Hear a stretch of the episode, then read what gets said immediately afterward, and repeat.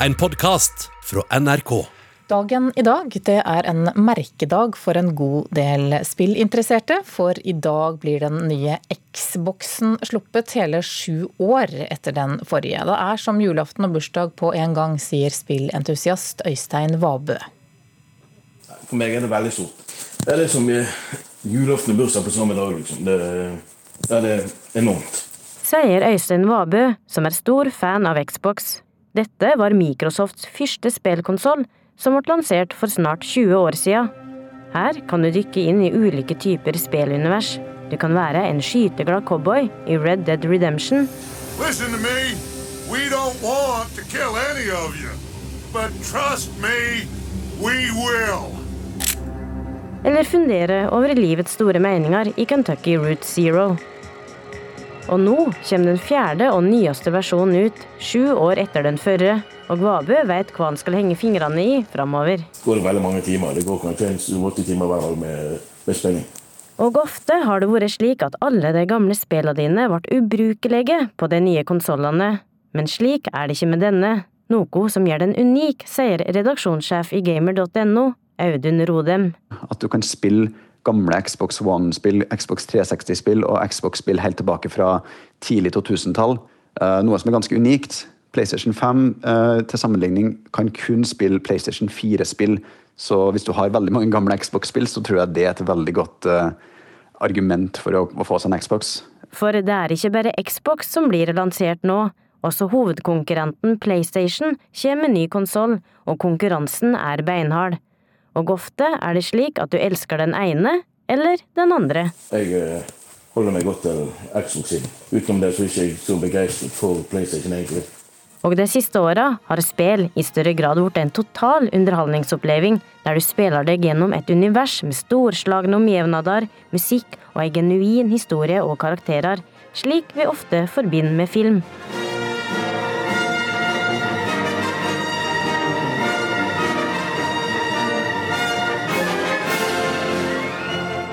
Det er veldig spennende, syns jeg. Det, spill begynner å bli noe for alle, for mange forskjellige, som kan by på opplevelser på tvers av egentlig alt.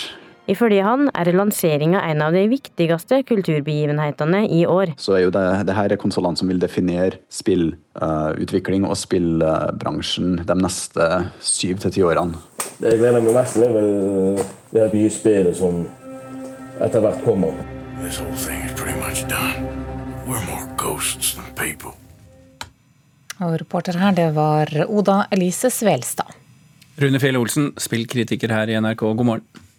God morgen. Er det en merkedag for deg også? Ja, Det skal jeg love deg. Det er, det er skikkelig høytid også når det kommer nye konsoller.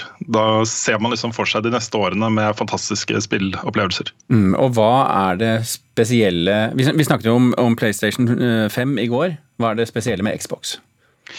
De er jo nå for alvor tilbake som spillutgiver. De har kjøpt opp en hel haug med forskjellige spillselskaper og har også laget sitt eget eh, spillselskap. Så i forrige generasjon så meldte de seg litt ut av den eh, biten der og skulle mer lage en, en eh, plattform for andre. Nå skal de lage sine egne spill, og dermed tar de også opp konkurransen mot Sony på en helt annen måte enn de gjorde i forrige generasjon. Disse, eh, både Xbox og PlayStation har jo vært eh, på markedet i årevis nå. Hvordan vil du si at de har preget eh, gamerverden? Ja, på flere måter. Den viktigste er nok, som det også ble sagt i reportasjen, måten de har preget spillmediet på. Noen av tidenes aller aller beste spill har kommet ut på spillkonsoller. Og Det er jo med på å drive hele spillmediet videre. Men så har det også vist seg at de er glimrende sosiale arenaer for folk. Eh, tidligere så hadde vi jo sånne spill som Singstar og Buss og, og den type ting. Uh, We Sport som samla bestemødre og uh, osv. I, i stua. Og også Xbox Live og PlayStation Network hvor folk samles rundt spillopplevelser. Xbox og PlayStation de er jo selvfølgelig ute etter det samme markedet. Hva vil du si om kampen mellom de to konsollene? Hva, hva, hva preger den? Nei, er, eh, De er ganske like hverandre. De tilbyr på en måte den samme teknologien. og Innmaten på disse to konsollene er eh, ganske like, selv om det er en del eh, nyanser der. Så, så da er det jo spillene som er tilgjengelige på plattformen som skiller de to.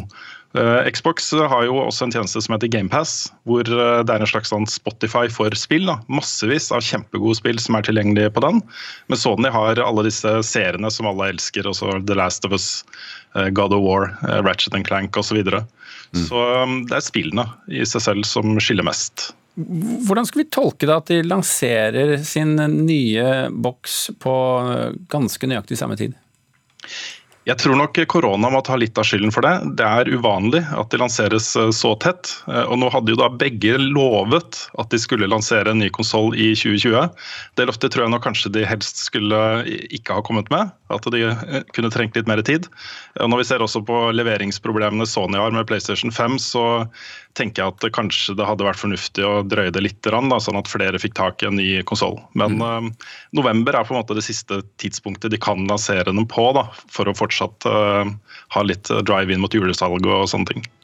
Du har jo skrevet eh, en kronikk på våre kronikknettsider nrk.no ytring. Ehm, der skriver du at det, det, begge disse konsollene har en del utfordringer. Hva er det du sikter til da? Ja, så det, det, som er hovedproblemet deres nå, eller hovedutfordringen, det er jo at spillmediet ser helt annerledes ut enn det gjorde for bare noen få år siden. Eh, nå har du de aller aller største spillopplevelsene i år. Det som flest mennesker har samla seg rundt, er veldig enkle eh, spill som Among us, eh, Fall Guys, Animal Crossing, og det trenger du ikke sånne grafikkbeist til for å spille. og Det er også tilgjengelig på mobiltelefoner, på PC, på alt mulig rart. I tillegg så vokser jo streaming av spill. Eh, behovet for en dedikert spillmaskin eh, synker. Mobilspillmarkedet er gigantisk. Og så er også mange av disse mest populære spillene helt gratis å spille. Så det er noen utfordringer som, som, de ikke har hatt før, eller i hvert fall ikke i like stor grad. da. Mm. Ok. Eh, gjentar altså nrk.no skråstrek ytring. Der eh, ligger nå eh, den kronikken til eh, Rune Fjell Olsen som heter eh, 'Spill fremtiden er her', så alt du trenger å vite om de to boksene og fremtiden, det kan du få der. Rune, takk skal du ha. You know, there is something about that tangle of strangers pressed together for days with nothing in common but the need to go from one place to another and never see each other again.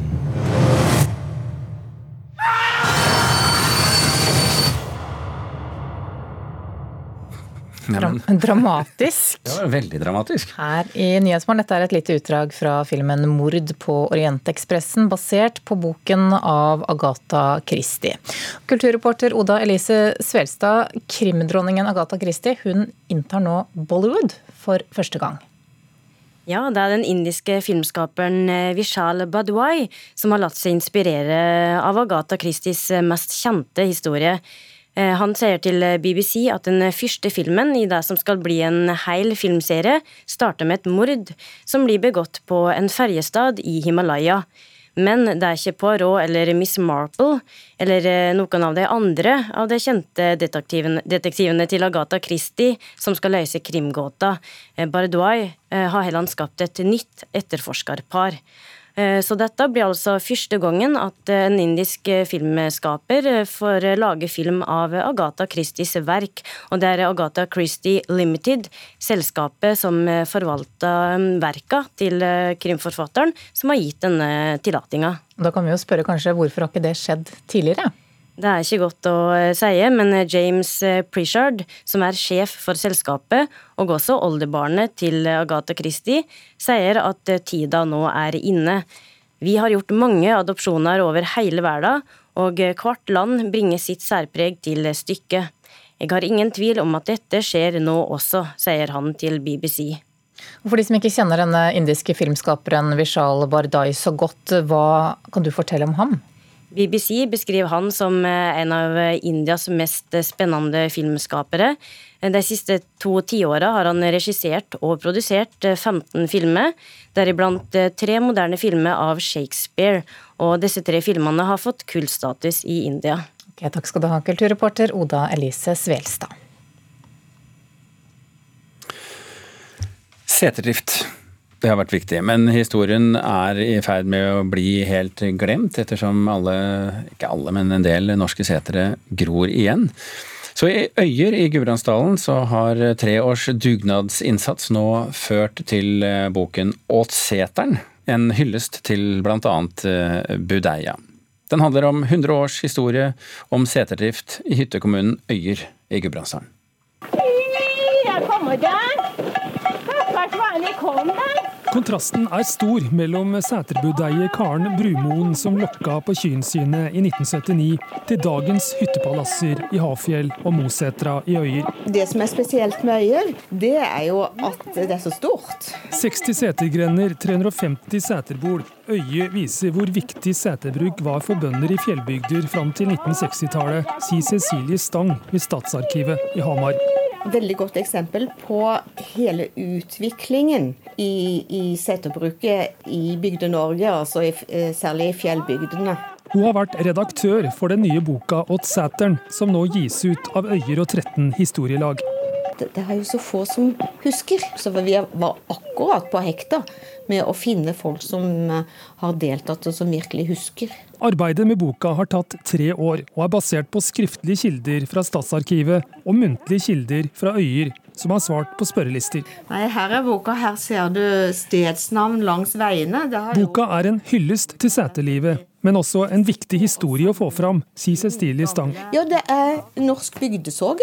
Altså det er norsk bygdehistorie. Det er jo grunnlaget for nasjonens historie. Det er jo de små brikkene som vi skal bygge den store fortellingen på. Og det er kjempeviktig. Kom nå, dere. Kom nå. Boka beskriver seterbruket i Øyer med kart over alle seterbolene med eiere og bygninger. Den har òg temaartikler om budeia, om veibygging i fjellet og hva det har betydd for dagens turisme. Ja, dette er et stort tema i boka. Og kan du tenke deg, i mellomkrigstida, hvilket enormt økonomisk løft det var å bygge alle disse veiene i, i fjellet. Som de for så vidt var helt avhengige av for å få melka ned.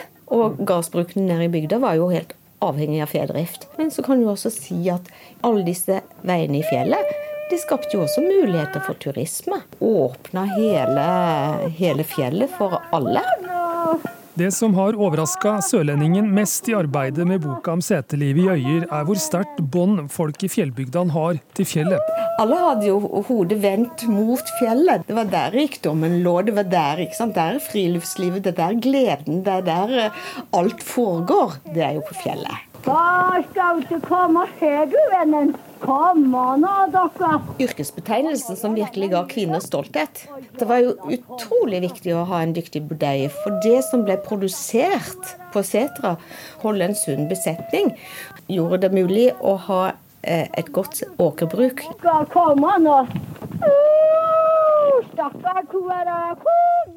Seterbudeia du hører her, helt til slutt, det er eh, Magnhild Pålsrå Moen fra Øyer. Eh, Dette var et arkivopptak fra 1979. Reporter i denne saken var Stein S. Eide. Du har hørt en podkast fra NRK. Hør flere podkaster og din favorittkanal i appen NRK Radio.